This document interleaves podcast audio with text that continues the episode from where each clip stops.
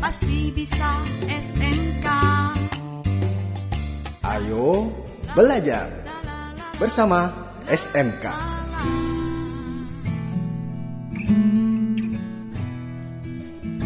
Sahabat edukasi, kita berjumpa lagi dalam Suara Edukasi di program Ayo Belajar.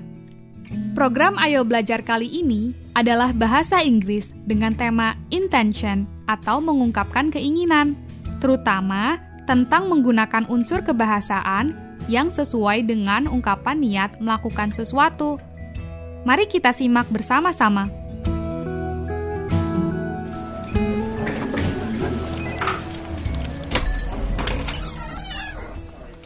Hi, Fajri. How is it? Did the boss approve your permission letter? I will ruin my life. My wife will be mad at me. My children. Oh no! Why? What's going on? Ah, our boss didn't approve it. He said that our company needs a lot of employees to run our company's new project. What do you intend to do anyway? I intend to spend my holiday in Singapore with my family and celebrate my mother's birthday. She really wants to have this moment. Oh my god, I hope there is a solution for this. Sahabat edukasi, apakah kalian pernah mengalami seperti yang dialami Fajri? Apakah yang akan kalian lakukan jika rencana kalian harus dibatalkan karena suatu hal yang lebih penting? Pastinya, kalian akan mengubah dengan rencana lain secara spontan maupun yang terencana. Baiklah, berikut adalah contoh dialog yang akan menggunakan unsur kebahasaan dalam menyampaikan niat melakukan sesuatu secara spontan dan sudah terencana. Mari kita simak bersama. Dinda, what is our plan to celebrate Mr. Boscoro's birthday tomorrow? We plan to make a surprise. He really likes coffee.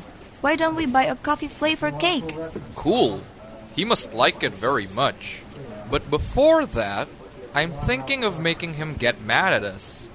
Each of us will make trouble with him. While he's already rising up his emotion, there we come with the cake. What do you think? Good job. I agree with you. Wait. Yes, Dinda's hear? Oh no. What's the matter? He is out of this country for a seminar for a week. Oh, no. Sahabat edukasi, dalam menyampaikan niat melakukan sesuatu, bisa kita lakukan dalam dua cara. Pertama, yang sudah terencana. Apa yang sudah terencana, pasti sesuatu yang akan dilakukan di masa yang akan datang. Oleh karena itu, unsur bahasa yang kita gunakan adalah dalam bentuk future tense, yakni menggunakan be going to, seperti pada ungkapan berikut ini. I am going to Bali Island. I have never been there.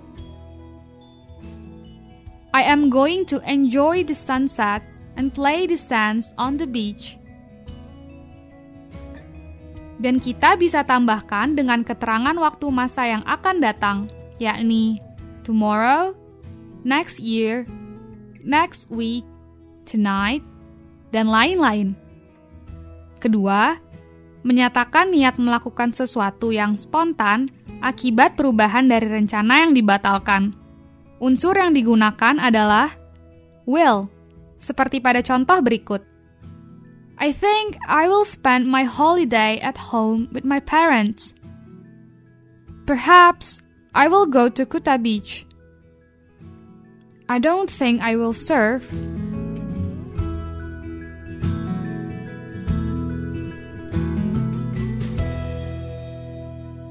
Sahabat edukasi, optimislah dalam setiap langkah kalian. Jika suatu hal tidak dapat dilakukan, optimislah kalian dapat melakukan hal yang lain. Every day is a new day, and you will never be able to find happiness if you don't move on. Jadikan hari-harimu sebagai suatu kehidupan yang baru, sehingga kalian akan selalu menemukan kebahagiaan. karena kalian sudah meninggalkan hal yang buruk di masa lampau. Teruslah bahagia, tetap semangat, dan fokus. Sampai jumpa di segmen berikutnya. Pasti bisa SMK Ayo belajar bersama SMK.